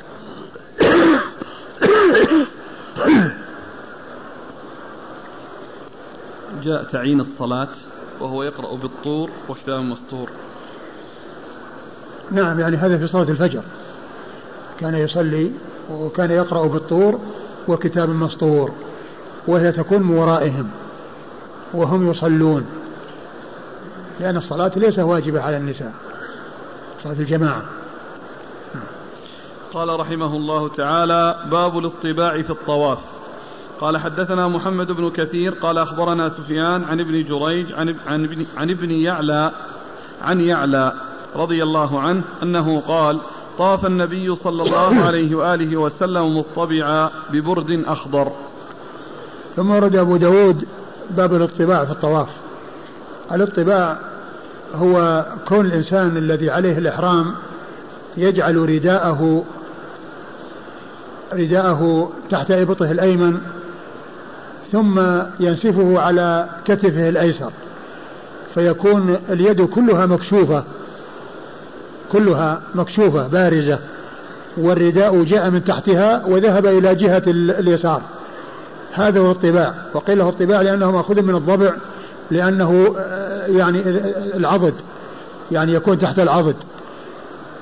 وقيل في الحكمة ذلك في ذلك لأنه أنشط ولأنه أيضا يكون مع الرمل الذي يكون في ثلاث الأشواط. وأما الاطباع يكون في الأشواط السبعة. الاطباع يكون في الأشواط السبعة. والرمل الذي سيأتي وهو الإسراع في الثلاثة الأشواط الأول فقط. فذلك جاء عن رسول الله عليه الصلاة والسلام. ولكنه إنما يكون في طواف القدوم في حج من كان قارنا أو مفردا وفي طواف العمرة في حق من كان آه، معتمرا سواء كان في وقت الحج متمتع أو في أي شهر من السنة ولا علاقة لعمرته لعمرته بالحج. نعم. طاف النبي صلى الله عليه وسلم مطبعا ببرد أخضر. ببرد أخضر. يعني هذا يدلنا على أن الإنسان يحرم يعني بأي شيء من اللباس سواء يكون أخضر أو يكون يعني أبيض أو يكون غير ذلك. نعم. قال حدثنا محمد بن كثير. محمد بن كثير مر ذكره. عن سفيان. عن سفيان الثوري مر ذكره. عن ابن جريج عن ابن يعلى. عن ابن جريج مر ذكره وابن يعلى هو صفوان ابن يعلى بن أمية. وهو ثقة أخرج له. أصحاب الكتب. أصحاب الكتب. عن أبيه يعلى بن أمية رضي الله عنه وحديثه أخرجه أصحاب الكتب الستة. قال حدثنا أبو سلمة موسى قال حدثنا حماد عن عبد الله بن عثمان بن خثيم عن سعيد بن جبير عن ابن عباس رضي الله عنهما أن رسول الله صلى الله عليه وآله وسلم وأصحابه اعتمروا من الجعران فرملوا بالبيت. وجعلوا أرديتهم تحت آباطهم قد قذفوها على عواتقهم اليسرى. ثم ورد أبو داود حديث ابن عباس. رضي الله عنهما أن النبي صلى الله عليه وسلم وأصحابه اعتمروا من الجعرانة وكان ذلك في السنة الثامنة بعد الفتح ورملوا بالبيت يعني رملوا يعني في الأشواط الثلاثة الأول وجعلوا أرديتهم تحت آباطهم قد ألقوها على آآ آه، آآ آه، على عواتقهم اليسرى. على عواتقهم اليسرى. يعني بحيث يكون العاتق الأيسر عليه الرداء الذي كان موجود من الأصل ثم ألقي عليه طرفه الذي كان على الكتف الأيمن جعل تحت الكتف الأيمن تحت العضد الأيمن ثم آه، ألقي على الكتف الأيسر. فيكون الكتف الأيمن كله اليد كلها مكشوفة والأيسر عليه الطرفان يعني الرداء الطرف الذي كان عليه من الأصل والطرف الذي كان على الكتف الأيمن ذهب إلى الكتف الأيسر. وهذا فيه توضيح للطباع. يعني هذا الحديث فيه بيان للطباع وتفسيره لأن هناك قال مطبعا. وهنا فسر الطباع بأنه يجعل تحت إبطه الأيمن ويلقيه على كتفه الأيسر. هذا في الطواف الأول ها يا شيخ؟ طبعا طواف العمرة هذا لأن عمرة الجعرانة هذه. لما جاءوا طافوا وهم يطوفون طواف العمرة فعلوا هذا الفعل. وبالنسبة للحاج؟ بالنسبة للحاج طواف القدوم إذا كان متمتع إذا كان قارن أو مفرد. قال حدثنا أبو سلمة موسى. أبو سلمة موسى بن إسماعيل التبوذكي ثقة أخرج له أصحاب كتب الستة. عن حماد وهو بن, بن سلمة ثقة. أخرجه البخاري تعليقا ومسلم وأصحاب السنن. عن عبد الله بن عثمان بن خثيم. عن عبد الله بن عثمان بن خثيم وهو صدوق أخرجه البخاري تعليقا ومسلم وأصحاب السنن. صدوق أخرجه البخاري تعليقا ومسلم وأصحاب السنن. عن سعيد بن جبير. عن سعيد بن جبير وهو ثقة أخرجه أصحاب كتب الستة. عن ابن عباس. عن ابن عباس وقد مر ذكره. قال رحمه الله تعالى باب في الرمل. قال حدثنا أبو سلمة موسى بن إسماعيل قال حدثنا حماد قال حدثنا أبو عاصم الغنوي عن أبي الطفيل رضي الله عنه أنه قال قلت لابن عباس رضي الله عنهما يزعم قومك أن رسول الله صلى الله عليه وآله وسلم قد رمل بالبيت وأن ذلك سنة. قال صدقوا وكذبوا. قلت وما صدقوا وما كذبوا. قال صدقوا قد رمل رسول الله صلى الله عليه وآله وسلم. وكذبوا ليس بسنة. إن قريشا قالت زمن الحديبية دعوا, دعوا محمدا وأصحابه حتى يموتوا موت النغف. فلما صالحوه على أن يجيئوا من العام المقبل فيقيموا بمكة ثلاثة أيام قدم رسول الله صلى الله عليه وآله وسلم والمشركون من قبل والمشركون من قبل قيق من قعيقعان. من قبل قعيقعان. فقال رسول الله صلى الله عليه وآله وسلم لأصحابه ارملوا بالبيت ثلاثا وليس بسنة. قلت يزعم قومك أن رسول الله صلى الله عليه وآله وسلم طاف بين الصفا والمروة على بعيره وأن ذلك سنة. فقال صدقوا وكذبوا. قلت ما صدقوا وما كذبوا. كان الناس لا يدفعون عن رسول الله صلى الله عليه وآله وسلم ولا يصرفون عنه. فطاف على بعير ليسمعوا كلامه وليروا مكانه ولا تناله أيديهم. ثم ورد أبو داود هذه الترجمة باب في الرمل. والرمل هو الإسراع مع مقاربة الخطى يعني دون الجري والعدو والركض وإنما إسراع خفيف. إسراع خفيف لا يحصل فيه مشقة على الإنسان. وأصل هذا الرمل أن النبي عليه الصلاة والسلام لما جاء في عمرة القضية في السنة السابعة من الهجرة وهي العمرة التي اتفق النبي عليه الصلاة والسلام مع كفار قريش عام الحديبية أن يرجع ذلك العام ويأتي معتمرا في السنة القادمة. فقدم عليه الصلاة والسلام وكان الكفار مجموعة منهم جلسوا من جهة الحجر. يعني وراء المطاف من جهة الحجر.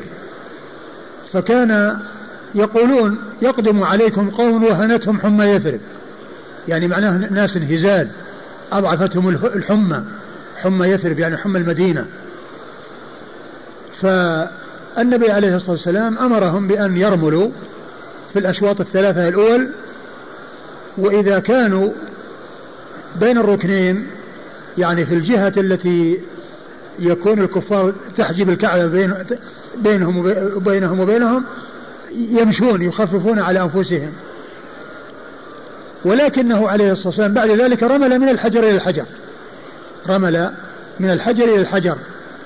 فدل ذلك على أنها سنة سنها رسول الله عليه الصلاة والسلام وأنه يسن لكل معتمر أن يرمل ويسن لكل حاج عندما يقدم مكة قارنا أو مفردا أنه يرمل في طواف القدوم.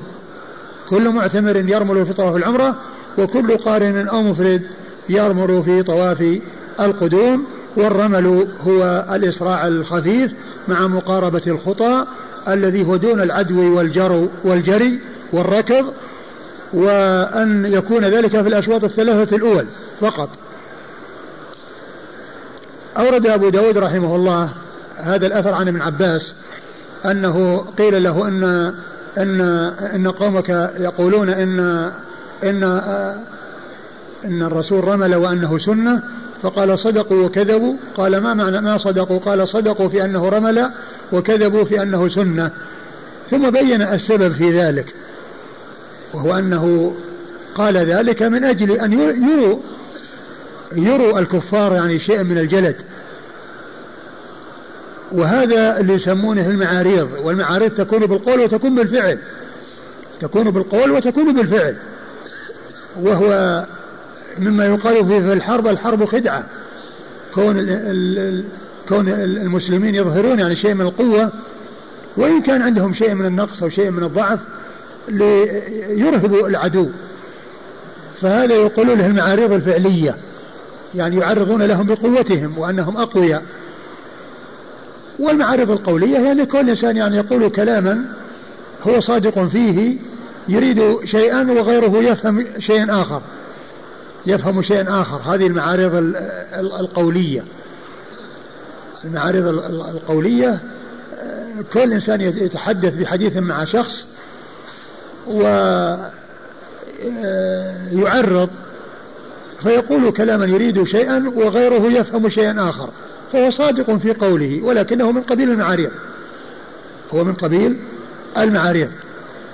قال وكذبوا أنه ليس بسنة.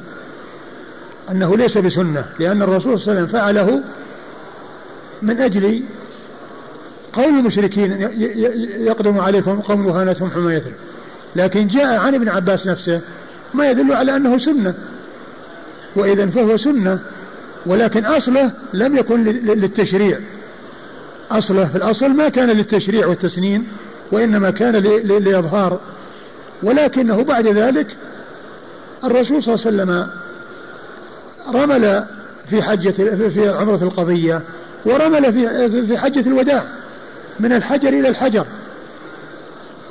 فدل هذا على أنه سنة لأن لو كان المقصود هو إراء الكفار لكان اقتصر عند تلك السنة التي هي عمرة القضية. التي كانت في السنة السابعة. ولكن كونه فعل ذلك في عمرة الجعرانة في السنة الثامنة وفعل ذلك في حجة الوداع دل على أنه سنة.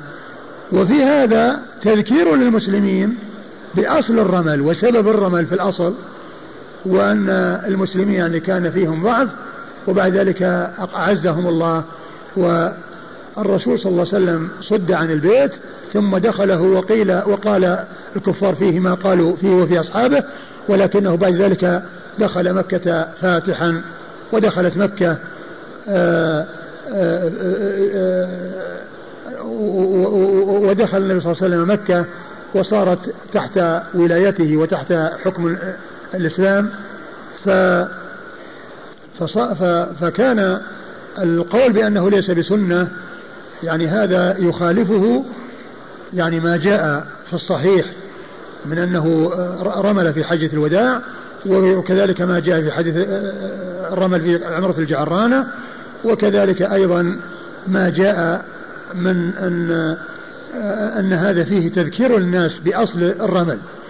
يعني إذا أريد بقوله ليس بسنة هو أصل الرمل نعم الرسول ما فعله للتشريع فعله ليري الكفار يعني قوتهم. نعم وبعد ذلك وقوله ليس بسنة اللي جاءت في الآخر كلام من عباس ليس كلام النبي صلى الله عليه وسلم. النبي قال لهم ارملوا وليس بسنة كلمة وليس بسنة هذا رجل لابن عباس ليس من كلام النبي. النبي قال ارملوا فقط. يعني في, في الأشواط الثلاثة وأمرهم كما جاء في الصحيح أن يمشوا بين الركنين حيث يكون الكفار تحجب الكعبة بينهم وبينهم لأنهم من جهة الحجر. فإذا ظهروا إذا اختفوا عنهم مشوا وإذا ظهروا عليهم من الجهة الأخرى رملوا. نعم. والثانية قال و ويزعم قومك. نعم. فقال صلى الله عليه وسلم آه، قلت ويزعم قومك ارملوا هذا كلام النبي صلى الله عليه وسلم وليس بسنة كلام من عباس. قلت يزعم قومك أن رسول الله صلى الله عليه وسلم طاف بين الصفا والمروة على بعيره وأن ذلك سنة. فقال صدقوا وكذبوا. نعم. قلت ما صدقوا وما كذبوا؟ قال صدقوا قد طاف رسول الله صلى الله عليه وسلم بين الصفا والمروة على بعيره وكذبوا ليس بسنة. كان الناس لا يدفعون عن رسول الله صلى الله عليه وسلم ولا يصرفون عنه. فطاف على بعير ليسمعوا كلامه وليروا مكانه ولا تناله أيديهم. كونه طاف على بعير صدقوا فيه. وكونه سنة هذا كذبوا فيه لأنه ليس سنة. الإنسان يركب على بعير والإنسان إذا ما ركب على البعير ما يكون فعل السنة وإنما فعله للحاجة عليه الصلاة والسلام. وكون الناس غشوه والناس لا يصرفون عنه ولا يدفعون عنه ما في أحد يدفع عنه ولا فيه آه، يعني أحد يصرف عنه فغشاه الناس فركب حتى يراه الناس وحتى يشرف عليهم عليه الصلاة والسلام. لا, لا, لا ليس سنة يعني معناه أن الناس يعني يركبون يركبون يطوف الراكبين. ولكن عند الحاجة لهم أن يطوفوا. مثل ما أذن لأم سلمة أن تطوف وهي راكبة من وراء الناس حيث قالت إنها شاكية أنها تشتكي يعني من المرض. فإذا آه، لا يقال أن الركوب سنة وأن الإنسان يفعل السنة لأن الرسول ركب طاف راكبا فالإنسان يطوف راكبا لأن طاف راكبا طافه لهذا لهذا لهذا الغرض. والإنسان يطوف ماشيا. والنبي صلى الله عليه وسلم كان يريد أن يطوف ماشيا لكن غشاه الناس وأراد أن يشرف عليهم وأن يروه عليه الصلاة والسلام فلا يقال إن الطواف راكبا سنة. مثل ما يقال أيضا أن كل إنسان في النفل يصلي جالسا مو سنة يجوز. لو صلى قائما في في النافلة والتطوع أفضل من يصلي جالس وله الأجر كاملا. لكن من صلى جالسا جاز. لكن ما يقال أن سنة يسن للإنسان أن يصلي جالسا. لا ما يسن له. لكن يجوز له أن يصلي جالسا. وله نصف الأجر. نعم. قال حدثنا أبو سلمة موسى بن إسماعيل عن حماد عن أبي عاصم الغنوي. أبو عاصم الغنوي مقبول أخرج له. أبو داود. أبو داود وحده. عن أبي الطفيل عن ابن عباس. عن أبي الطفيل مر ذكره عن ابن عباس مر ذكره أيضا. جاء فيه حتى يموت موت النغف. نعم حتى يموت موت النغف. يعني أن قال إيش أوله؟ قال قال المشركون إن قريشا قالت زمن الحديبية دعوا محمدا وأصحابه حتى يموتوا موت النغف. يموتوا موت النغف يعني النغف اللي هو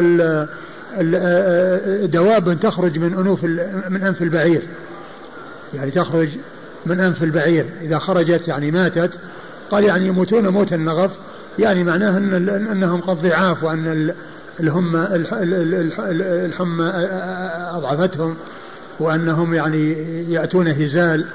وأنه أمرهم بأن يظهروا التجلد ويظهروا القوة. نعم.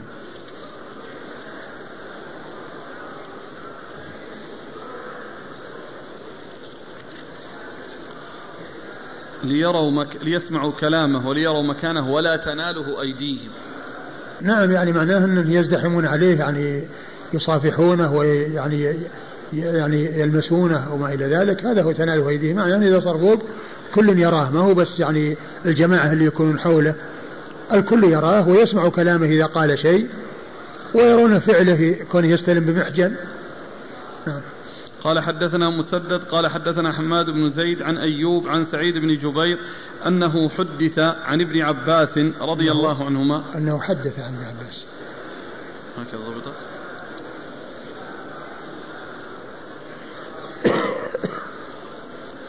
أنه حدث عن ابن عباس رضي الله عنهما قال قدم رسول الله صلى الله عليه وآله وسلم مكة وقد وهنتهم حمى يثرب فقال المشركون إنه يقدم عليكم قوم قد وهنتهم الحمى ولقوا منها شرا.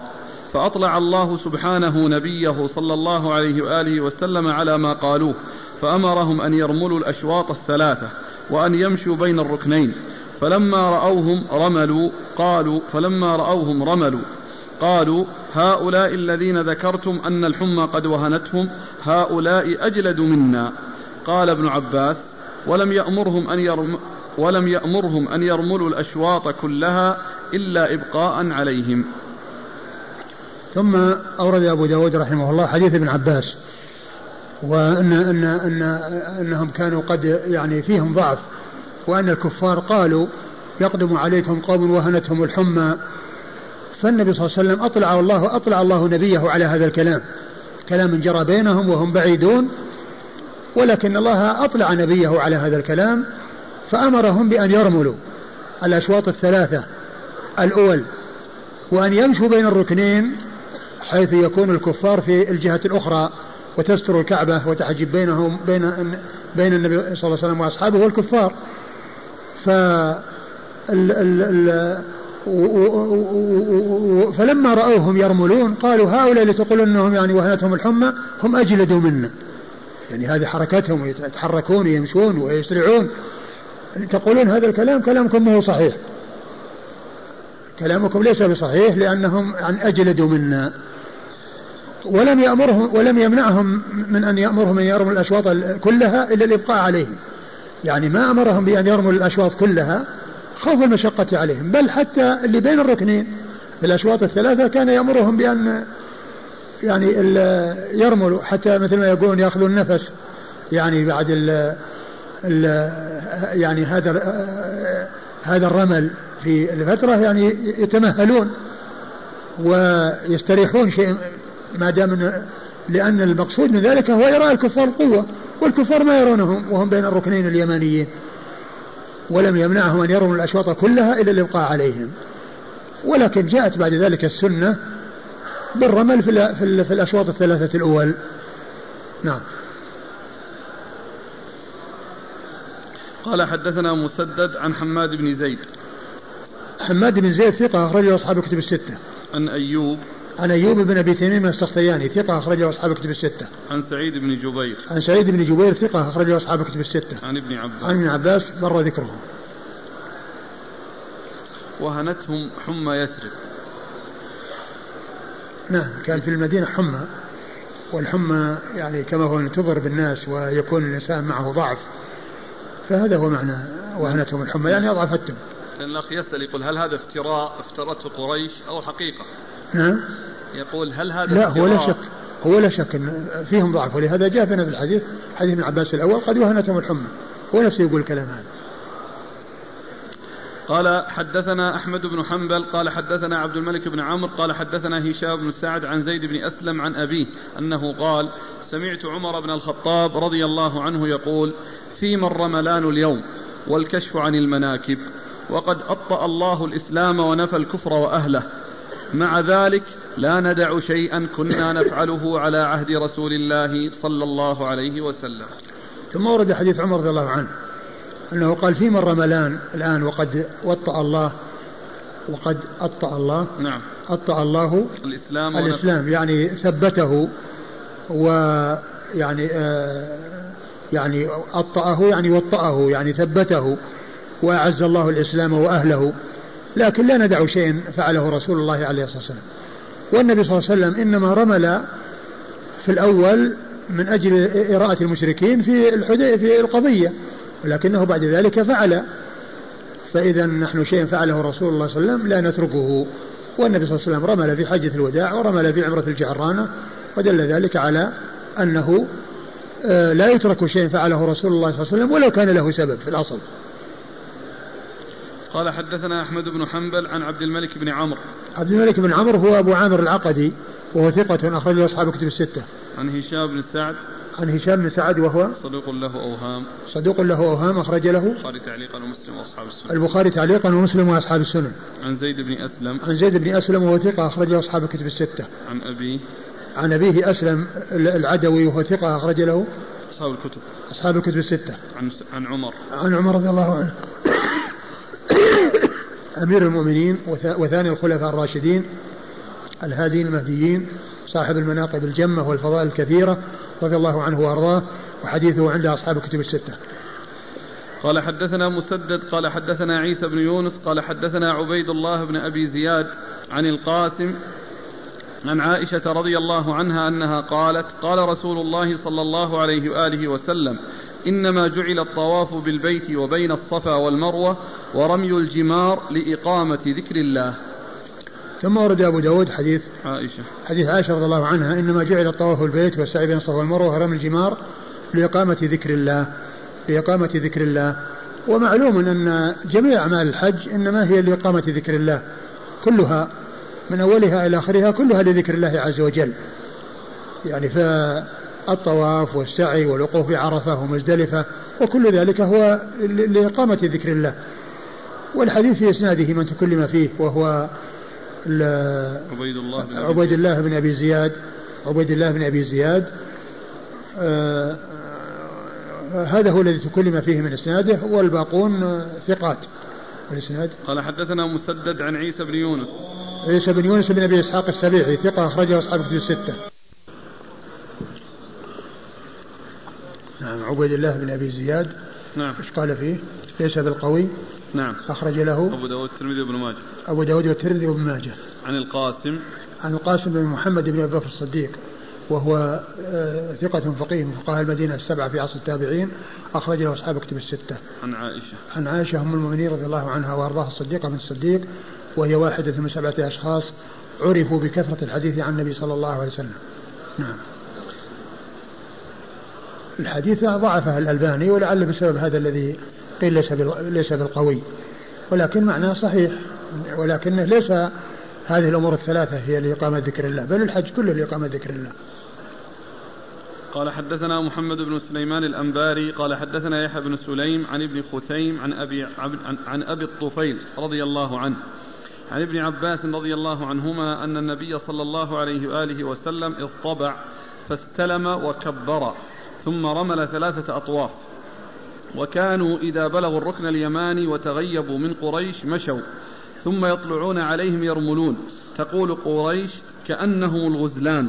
قال ابن عباس فكانت سنة.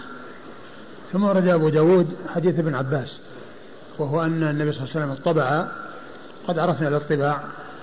وإيش اطبع فاستلم وكبر. فاستلم وكبر. يعني معناه أنه عندما يستلم الحجر يكبر. نعم. ثم رمل ثلاثة أطواف. ثم رمل ثلاثة أطواف. يعني في الأشواط الثلاثة الأول. وكانوا إذا بلغوا الركن اليماني وتغيبوا من قريش مشوا. ثم يطلعون عليهم يرملون. وهذا مثل ما تقدم. يعني كان يعني أمرهم بأن يمشوا بين الركنين. وإذا طلعوا عليهم من الجهة التي يعني يراهم الكفار يرملون.